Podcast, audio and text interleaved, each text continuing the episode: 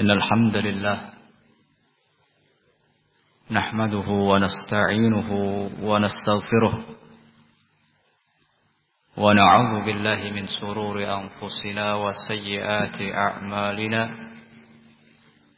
من يهده الله فلا مضل له ومن يضلل فلا هادي له وأشهد أن لا إله إلا الله وحده لا شريك له.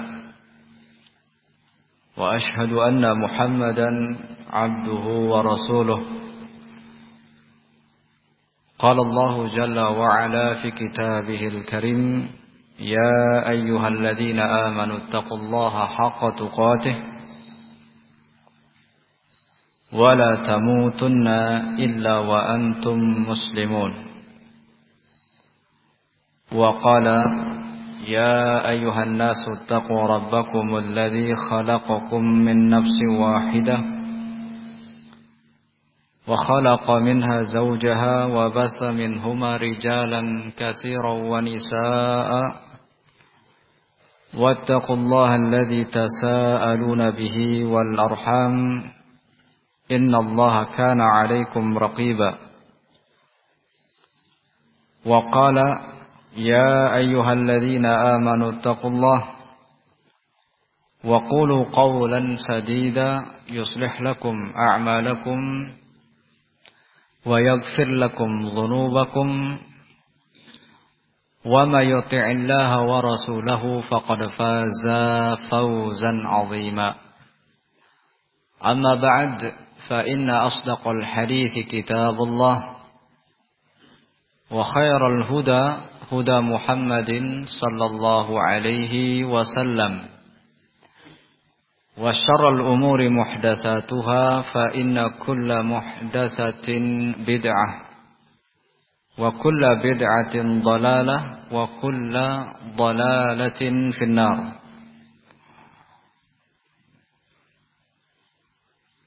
إخواني رحمني ورحمكم الله kita lanjutkan kajian kita membaca Kitabul Kabair dalam kitab Al-Jami' As-Sahih karya Syekh Muqbil Ibnu Hadi Al-Wadi'i rahimahullah pada kajian sebelumnya kita membaca dua bab. Yang pertama di antara dosa besar adalah bersumpah dengan selain nama Allah. Iya. Ini adalah salah satu dosa di antara dosa besar. Seorang muslim jika dia mau bersumpah maka dia wajib bersumpah dengan nama nama Allah atau sifat-sifat Allah. Kalau bersumpah dengan Al-Quran boleh tidak? Demi Al-Quran. Boleh tidak? Tidak boleh? Iya, Pak Selamat yang jawab sekarang. Ya, monggo Pak Selamat dijawab. Boleh tidak? Kalau bersumpah demi Al-Quran. Iya.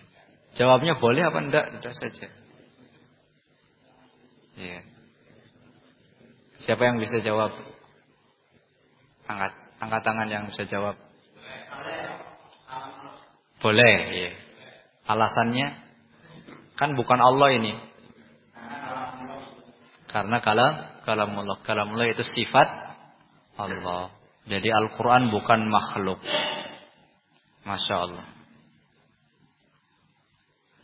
Kalau demi Allah dan Rasulnya boleh tidak? Tidak. Karena Rasul adalah mah, makhluk. Walaupun Rasul seorang Nabi yang paling utama, paling mulia, beliau makhluk Allah. Tidak boleh digandingkan dengan Allah demi Allah dan Rasulnya. Nggak boleh. Cukup demi Allah saja.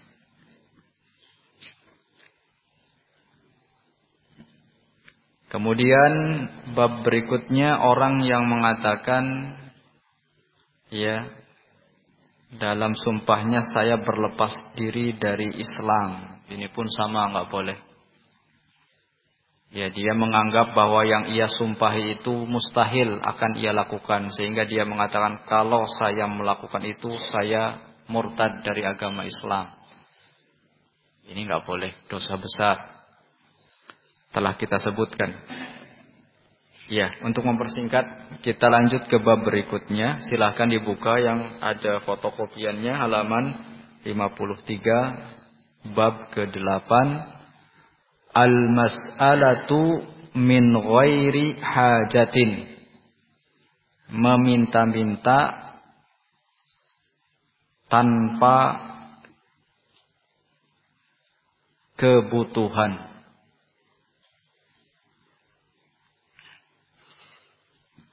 Kita baca hadisnya yang pertama. Qala al-Imam Ahmad rahimahullah. Haddatsana Aswad ibnu Amir. Haddatsana Abu Bakrin anil A'mash an Abi Salihin an Abi Sa'idin Al-Khudri Kita terjemahkan dari sini. Dari sahabat Abu Sa'id Al-Khudri. Ia berkata, Qala Umaru, Ya Rasulullah, laqad sami'tu fulanan wa fulanan. Umar berkata, Wahai Rasulullah, aku telah mendengar fulan dan fulan. Yuhsinani as-sana. Memuji-muji yadhkurani annaka a'taitahuma dinaraini mereka telah menyebutkan bahwa Anda telah memberi mereka dua dinar. Qala Faqala Nabi sallallahu alaihi wasallam. Nabi sallallahu alaihi wasallam bersabda lakinna wallahi akan tetapi demi Allah fulanan ma huwa kadzalik orang itu yang tadi disebutkan tidaklah seperti itu. Iya artinya bukan orang yang bagus laqad a'taituhu min asratin ila mi'ah Sungguh aku telah memberikan ia sepuluh bahkan sampai seratus. Fama yaqulu dzalik. Tapi ia enggak mengatakannya. Dikasihnya sepuluh, nyebutnya cuma dua, dua dinar. Iya. Maka kata Nabi, orang itu enggak bagus. Orang itu enggak benar, dusta. Ama wallahi inna ahadakum Demi Allah, sesungguhnya di antara kalian la yukhriju mas'alatahu min indi yata yata'abbatuha dia mengeluarkan masalahnya maksudnya meminta-minta kepadaku iya yata'abbatuha yakni takunu tahta ibtihi yakni an-nar. Iya. Maksudnya adalah orang tadi salah seorang di antara kalian kalau melakukan minta-minta artinya dia telah meletakkan ya di bawah ketiaknya itu api neraka. Tahta ibtihi, ibti itu sini. Naro, neraka. Qala qala Umar Umar berkata atau bertanya, "Ya Rasulullah, lima tu'tiha iyyahum?" Kenapa Anda memberikan mereka kalau memang meminta-minta itu ya tidaklah meminta api neraka. Lalu kenapa Anda memberi mereka? Qala fama asna ya'buna ila illa dzaka. Apa yang harus aku perbuat? Mereka tidak mau kecuali dikasih minta-minta. Dan Nabi tidak pernah ya ketika diminta itu menolak. Ini Nabi. Kalau diminta harta tidak pernah menolak. Nah. Wa ya'ballahu li al-bukhla dan Allah ya telah melarangku bersifat bakhil.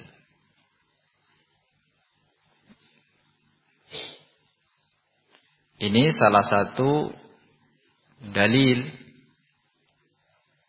dari Nabi Shallallahu Alaihi Wasallam akan ancaman orang yang suka minta-minta bukan karena darurat. Iya. Ia iya telah meletakkan api pada tubuhnya, badannya. Sehingga kita katakan bahwa meminta-minta dalam kondisi dia tidak darurat itu hukumnya apa? Dosa besar. Karena ancaman yang sangat keras dari Nabi Shallallahu Alaihi Wasallam. Iya. Entah itu memintanya sekali atau memintanya itu dijadikan apa? Profesi. Iya keluar rumah, nyamar kakinya dibalut, pura-pura pincang, datang ke rumah-rumah. Iya, padahal dia rumahnya bagus. Iya. Tetapi sudah jadi pekerjaan. Wal billah. Kalau orang yang seperti ini. Dilarang seorang muslim meminta-minta tanpa kebutuhan. Islam mengajarkan seorang muslim itu memiliki sifat aifah, menjaga apa? wibawa. Ya, menjaga kehormatan. Ya, bertawakal kepada Allah dan tidak mudah tergantung kepada makhluk. Ya. Bahkan kata Nabi sallallahu alaihi wasallam, sebaik-baik makanan yang dimakan oleh seorang hamba adalah ya makanan yang dihasilkan dari keringatnya sendiri. Ini kata Nabi Shallallahu Alaihi Wasallam. Sebaik-baik yang dimakan seorang hamba adalah makanan yang diperoleh dari hasil keringatnya sendiri. Iya. Jadi seorang muslim jangan sedikit sedikit meminta-minta. Iya. Malas bekerja, mencari rezeki. Ya. Sehingga menempuh cara yang rendah seperti ini. Demikian kata Nabi sallallahu alaihi wasallam. Nah, begitu pula salaf salafuna as-salih dari kalangan sahabat mereka ada yang bercocok tanam, ada yang berdagang. Nah, jauh dari meminta-minta. Baik. Ketika muhajirin hijrah ke Madinah, ya, hijrah ke Madinah, mereka meninggalkan rumah mereka, tanah mereka, harta mereka di Mekah ditinggalkan. Mereka tidak bawa apa-apa kecuali apa yang mereka bisa bawa demi yang melaksanakan perintah Allah Subhanahu wa taala. Tidak ada satupun muhajirin yang meminta-minta kepada Ansar. Wahai Ansar, saya ini sudah hijrah, tolong kasih saya tanah, tolong kasih saya rumah. Tidak ada. Bahkan ya, Abdurrahman bin Auf ditawarkan harta bahkan apa? istri ditolak Ditolak. Bahkan apa? Bertanya di mana apa? Pasar. Oh, pasar di sana. Akhirnya Abdurrahman bin Auf bekerja di pasar berjualan dan hartanya pun kembali Allah berikan rezeki kepadanya. Demikian cermin sahabat. Iya. Seorang muslim jangan mengharap untuk apa? Diberi. Tapi seorang muslim itu berusaha bagaimana apa? Bisa memberi. Orang itu kok nggak memberi saya ya? Kan biasanya begitu. Padahal kemarin sudah sukses bisnisnya, saya kan ya tetangga dekatnya misalkan. Seorang muslim tidak demikian, mengharap untuk diberi, tapi bagaimana bisa memberi? Iya. Kata Nabi sallallahu alaihi wasallam, "Nam, yadul ulya khairun minal yadis sufla." Tangan yang di atas yang memberi itu lebih baik daripada tangan yang di bawah. Demikian Nabi Shallallahu Alaihi Wasallam bekerja mengembala kambing, bekerja. Nah, Nabi Dawud seorang tukang kayu, mereka bekerja, tidak yatakaffafunan nas, tidak meminta-minta tergantung kepada manusia. Demikian harusnya seorang seorang muslim. Ini adalah ajaran Islam. Ya, yang mengajarkan kepada setiap muslim agar memiliki sifat terhormat ini, menjaga kehormatan dengan tidak meminta-minta. Tawakal kepada Allah, berusaha, bekerja. Demikian. Kita lanjutkan hadis berikutnya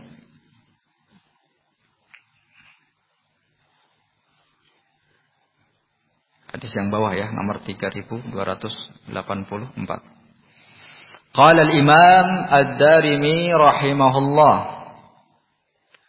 Akhbarana Muhammad ibn Abdullah Ar-Raqasi Haddatsana Yazid huwa ibn Zurai' Haddatsana Sa'id an Qatadah an Salim ibn Abi Ja'd an Ma'dan ibni Abi Talhah an Sauban maula Rasulullah sallallahu alaihi wasallam dari Sauban maula budak Rasulullah sallallahu alaihi wasallam anna Rasulullah sallallahu alaihi wasallam qala Rasulullah sallallahu alaihi wasallam bersabda, "Man sa'alan nas mas'alatan wa huwa anha ghaniyun kanat sayyinan fi wajhih." Barang siapa yang meminta-minta iya, kepada manusia wa huwa anha ghani padahal dia itu apa?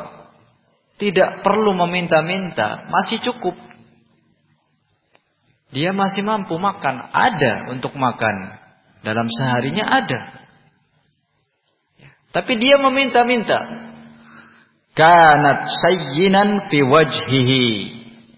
Maka perbuatan itu akan menjadi ya keburukan pada wajahnya. Sayyinan itu adalah penyakit kulit yang ada di wajah. Jadi semakin banyak meminta-minta semakin buruk apa? Wajahnya. Demikian kata Nabi Shallallahu Alaihi Wasallam.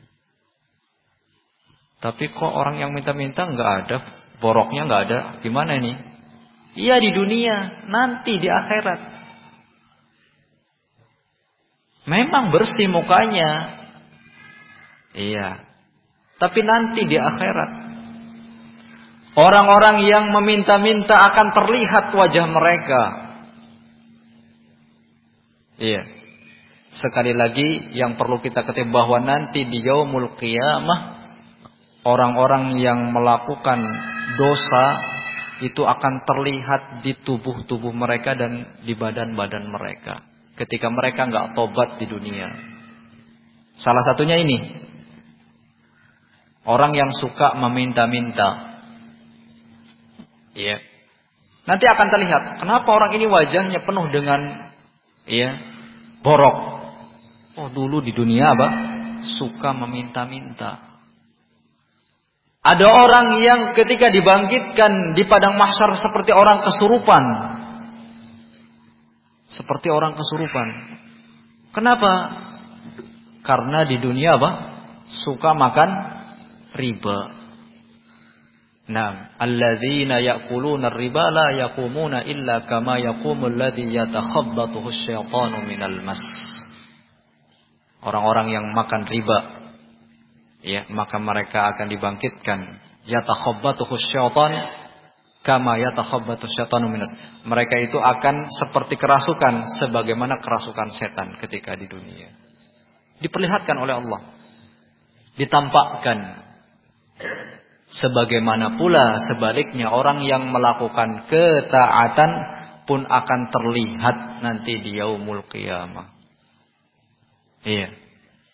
Seperti orang yang mati ketika ihram, ya kan? Ketika ihram mati. Nabi mengatakan jangan dikafani, jangan dikasih apa? minyak wangi. Karena nanti dia ketika dibangkitkan akan pakai ihram dan dia akan membaca apa? talbiyah. Semua orang akan tahu si fulan dulu berarti meninggal ketika ihram. Masya Allah. Begitu pula orang yang mati di medan perang. Dilarang dimandikan tapi langsung dikafani. Kenapa? Karena nanti akan dibangkitkan dalam keadaan apa? Seperti itu. Luka. Ya. Bercucuran darah. Menetes darah. Tetesannya darah. Tapi baunya bau apa? Bau misik. Bukan bau amis. Iya. Demikian. Akan terlihat. Begitu pula Orang-orang yang di dunia suka melakukan dosa dan kedurhakaan dia tidak bertobat. Diperlihatkan oleh Allah. Begitu pula orang yang azan. Orang yang rajin azan ikhlas karena Allah nanti di akhirat akan terlihat si fulan ini ya adalah di dunia tukang azan atau muadzin. Cirinya apa? Siapa yang tahu? Lehernya panjang, Ya memang benar lehernya panjang. Panjang dari yang lain. Dia bisa melihat. Ya. Ke arah yang mana kebanyakan orang nggak melihat. Ini muadzin. Iya. Subhanallah. Ternyata ketaatan itu ya membawa seorang mulia di dunia dan di akhirat. Berbahagialah orang yang mati dalam badan membawa ketaatan. Rugilah. Ya dan binasalah Orang yang mati dengan membawa dosa-dosa besar. Iya. Akan diketahui oleh manusia.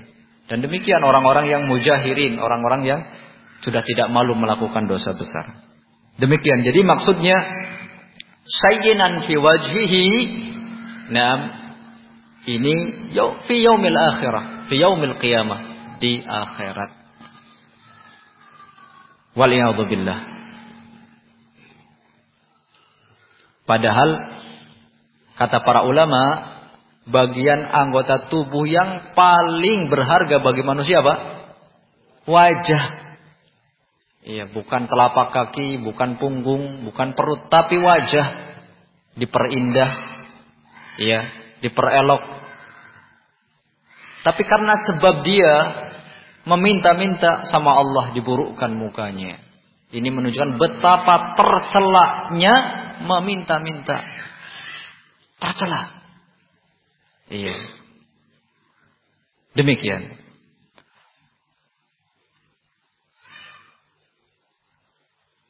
Kemudian hadis berikutnya. Qala Abu Dawud Imam Abu Dawud berkata, Haddatsana Hafiz Ibnu Umar An-Namari akhbarana Su'batu an Abdul Malik Ibn Umair an Zaid Ibn Uqbah Al-Fazari an Samurah dari Samurah anin Nabiyyi sallallahu alaihi wasallam qala dari Nabi Shallallahu Alaihi Wasallam bersabda, al-masailu quduhun yakdahu bihar rajulu wajhahu. meminta-minta itu adalah kuduh. Iya. Kuduh itu cakaran, bekas cakaran. Kalau orang dicakar kemudian luka dan menjadi borok. Itu kuduh namanya dalam bahasa Arab. Iya. Yang ada pada muka seseorang. Jadi seorang itu ketika meminta sama saja mencoreng mukanya sendiri. Ya sudah nggak punya malu nggak punya wibawa orang yang suka minta-minta itu. Nah, faman syaa abqa ala wajhihi. Barang siapa yang mau, ia tetap ya men menetapkan cakaran tersebut di wajahnya. Faman syaa tarakaha. Barang siapa yang mau maka meninggalkannya. Artinya kalau dia mau wajahnya tetap ya indah, tidak ada cakaran maka meninggalkan yang namanya meminta-minta. Illa an yas'ala rajul za sultan. Kecuali seseorang yang meminta kepada penguasa. Au fi amrin la yajidu minhu buddan. Atau pada perkara yang ia tidak ada jalan lain kecuali meminta.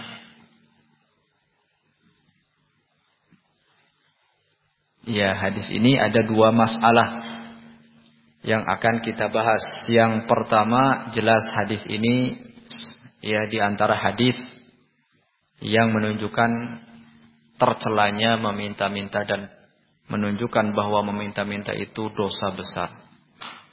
Yang kedua, adalah meminta-minta yang diperbolehkan. Tadi sudah kita bahas bahwa hukum asal meminta-minta apa? Di dilarang. Haram hukumnya. Tanpa kebutuhan, tanpa darurat. Iya.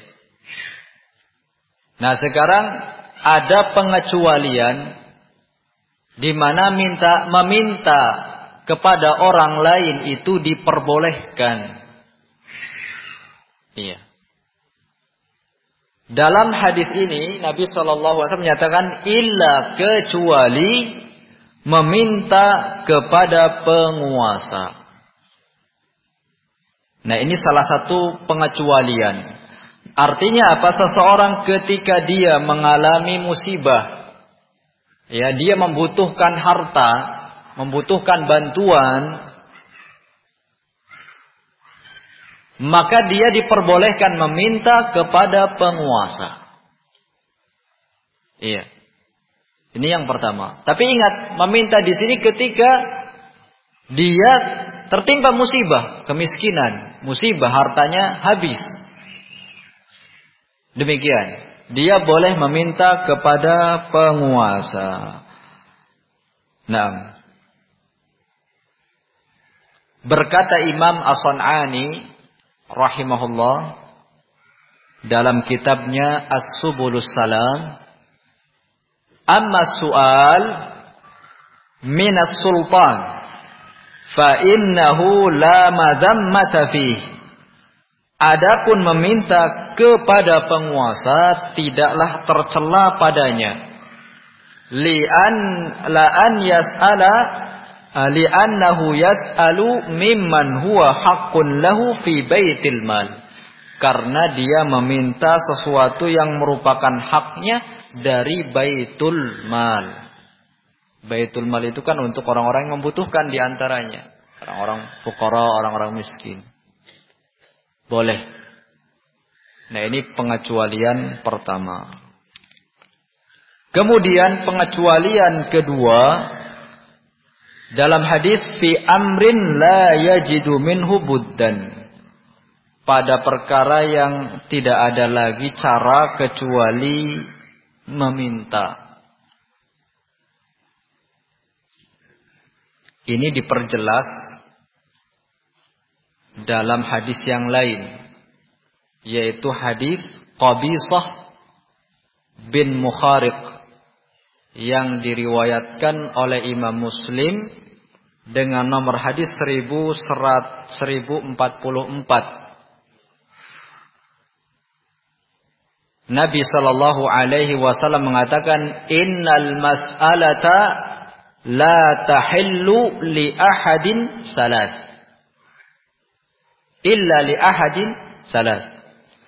Sesungguhnya meminta-minta tidak halal alias haram kecuali salah satu dari tiga orang. Ini lebih jelas kata Nabi. Minta-minta itu tidak halal kecuali tiga orang. Yang pertama, rajulun tahammala hammalatun atau hammalatan fahallat lahul mas'alah hatta yusibuha summa yumsikuha. Seseorang yang sedang mendamaikan antara dua belah pihak yang berselisih. Kata Nabi. Antara satu suku dengan suku akan berselisih sehingga Pak untuk mendamaikannya butuh uang, dana untuk mendamaikannya. Dan dia tidak punya. Dia tidak punya. Sehingga dia harus meminta kepada orang lain. Ini kata Nabi. Hatta yusibuha sampai mendapatkannya kemudian setelah itu berhenti. Sudah kalau sudah mendapatkan apa yang diperlukan selesai. Ini yang pertama. Warajulun asabathu jaihatun ihtajat malahu atau maluhu. Seseorang yang perkebunannya rusak tertimpa angin atau banjir sehingga dia jatuh miskin karena mata pencahariannya cuma di situ. Iya. Demikian atau banjir habis semua. Iya, membinasakan semua hartanya, semua miliknya. Fahallat lahul mas'alah. Kata Nabi, ketika itu dia boleh meminta. Iya, kalau sekarang misalkan kalau di kita ya yang semisalnya qadarullah banjir, hartanya habis sudah. Iya. Gak tahu ke mana, sudah gak ada habis terbawa banjir. Dia tidak punya kecuali apa yang dia pakai pakaian. Nah, ketika itu boleh dia meminta. Nah, dalam kondisi seperti itu. Hatta yusibuha qiwaman min aishin sampai dia mendapatkan ya yang cukup untuk dia hidup. Kata Nabi apa? Secukupnya. Kalau sudah cukup sudah, jangan meminta-minta lagi. Bukan dijadikan profesi. Terus keenakan minta, terus minta-minta. Tidak. Iya. Karena kata para ulama meminta-minta itu ibaratnya ya, kita memakan bangkai ketika dalam kondisi darurat kelaparan. Makan bangkai kan haram ya? Haram. Tapi ketika kita misalkan dalam posisi tidak ada makanan, kecuali ada bangkai. Artinya hewan yang mati tanpa disembelih. Entah itu ya babi atau sapi ya, sapi atau kambing namun tidak disembelih matinya. Ya kalau dia nggak makan dia mati. Akhirnya dia apa? Makan dalam rangka mempertahankan apa? Hidup. Jangan kemudian bungkuslah buat nanti, nggak boleh. Iya. Kalau sudah cukup, nggak boleh. Lebih dari itu. Begitu pula meminta-minta. Iya. Demikian. Kebutuhan intinya sudah terpenuhi, cukup sampai di situ. Yang selebihnya haram baginya. Warajulun asobat hufaqah. Seseorang yang tertimpa dengan pailit, bangkrut, Bisnisnya bangkrut semuanya. Bahkan hutangnya lebih banyak dari hartanya. Bangkrut sudah. Tadinya kaya, bisnisnya di mana-mana tapi bangkrut, habis semua hartanya. Asabatu faqah, maka ketika itu dia boleh meminta. Hatta yaquma min dzawil hija min qaumihi. sampai ada di kalangan kaumnya yang bersaksi bahwa dia itu telah terkena bangkrut atau pailit. Nah ini ada hukum fikihnya di sini. Kalau orang tadinya kaya, kok tiba-tiba misalkan datang aku miskin, itu harus punya saksi berapa? Dua. Saksi dua bahwa orang ini memang benar-benar telah mis miskin. Ini hukum fikihnya. Telah terkena bangkrut dan meminta uh, membutuhkan bantuan. Iya, kalau satu tidak diterima. Tapi dua. Fahallat lahu masalah. Maka orang yang ketiga ini pun boleh ya halal untuk meminta. Nah selain ini nggak boleh. Nah, dijadikan profesi, dijadikan pekerjaan sehari-hari untuk mengumpul-ngumpul harta, nggak boleh. Demikian.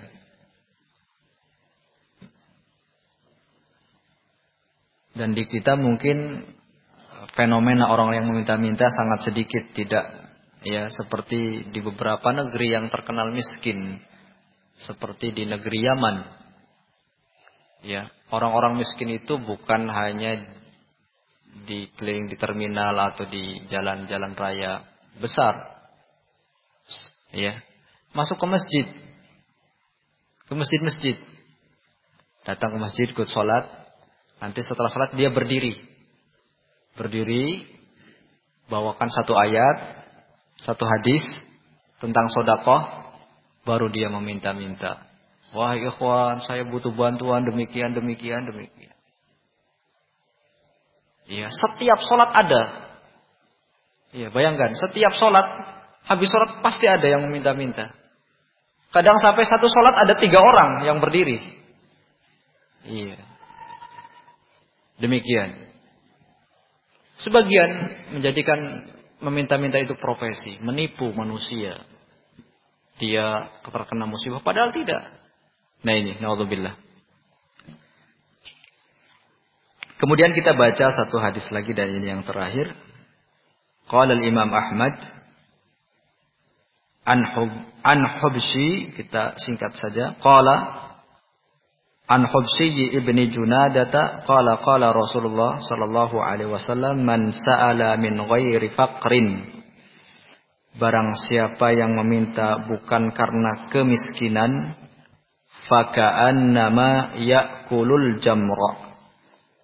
Maka seakan-akan dia memakan bara api. Iya. yeah. Man sa'ala min ghairi faqrin. Barang siapa yang meminta bukan karena kemiskinan. Iya. Maka kata Nabi sallallahu alaihi wasallam balasan faka'an nama ya'kulul jamra. Seakan-akan dia memakan bara api. Sekali lagi seorang muslim hendaknya menjaga ya kehormatannya menjadi seorang yang afif menjaga wibawanya ya sebisa mungkin tidak meminta kepada orang. Sebisa mungkin. Nah kecuali sangat-sangat darurat. Demikian yang diajarkan oleh Nabi sallallahu alaihi wasallam. Seorang muslim hendaknya bekerja dengan apa pun yang dihalalkan. Turuk iktisab jalan-jalan untuk meraih ya pekerjaan harta yang halal. Allah telah lapangkan dengan jalan yang bermacam-macam. Wa ahallallahu al-bai'a wa harrama riba. Allah telah menghalalkan jual beli dengan berbagai macam jual beli. Ya, dan Allah mengharamkan riba, jual beli. Ya, Allah juga nah mengizinkan manusia untuk bercocok tanah, bercocok tanah. Nah, bekerja ya menjadi ajir, menjadi pegawai atau menjadi apa saja, yang penting halal, tidak meminta-minta kepada manusia. Nah, berusaha jangan tergantung kepada orang. Ya, dengan memelas, meminta. Nah, sedikit-sedikit meminta bantuan, bekerja. Nah, itu lebih wibawa. Seseorang miskin ya hidup sederhana tapi dari hasil bekerja sendiri itu lebih mulia daripada seorang yang banyak harta namun dihasilkan karena meminta-minta atau bergantung kepada orang lain. Sungguh hina. Nah,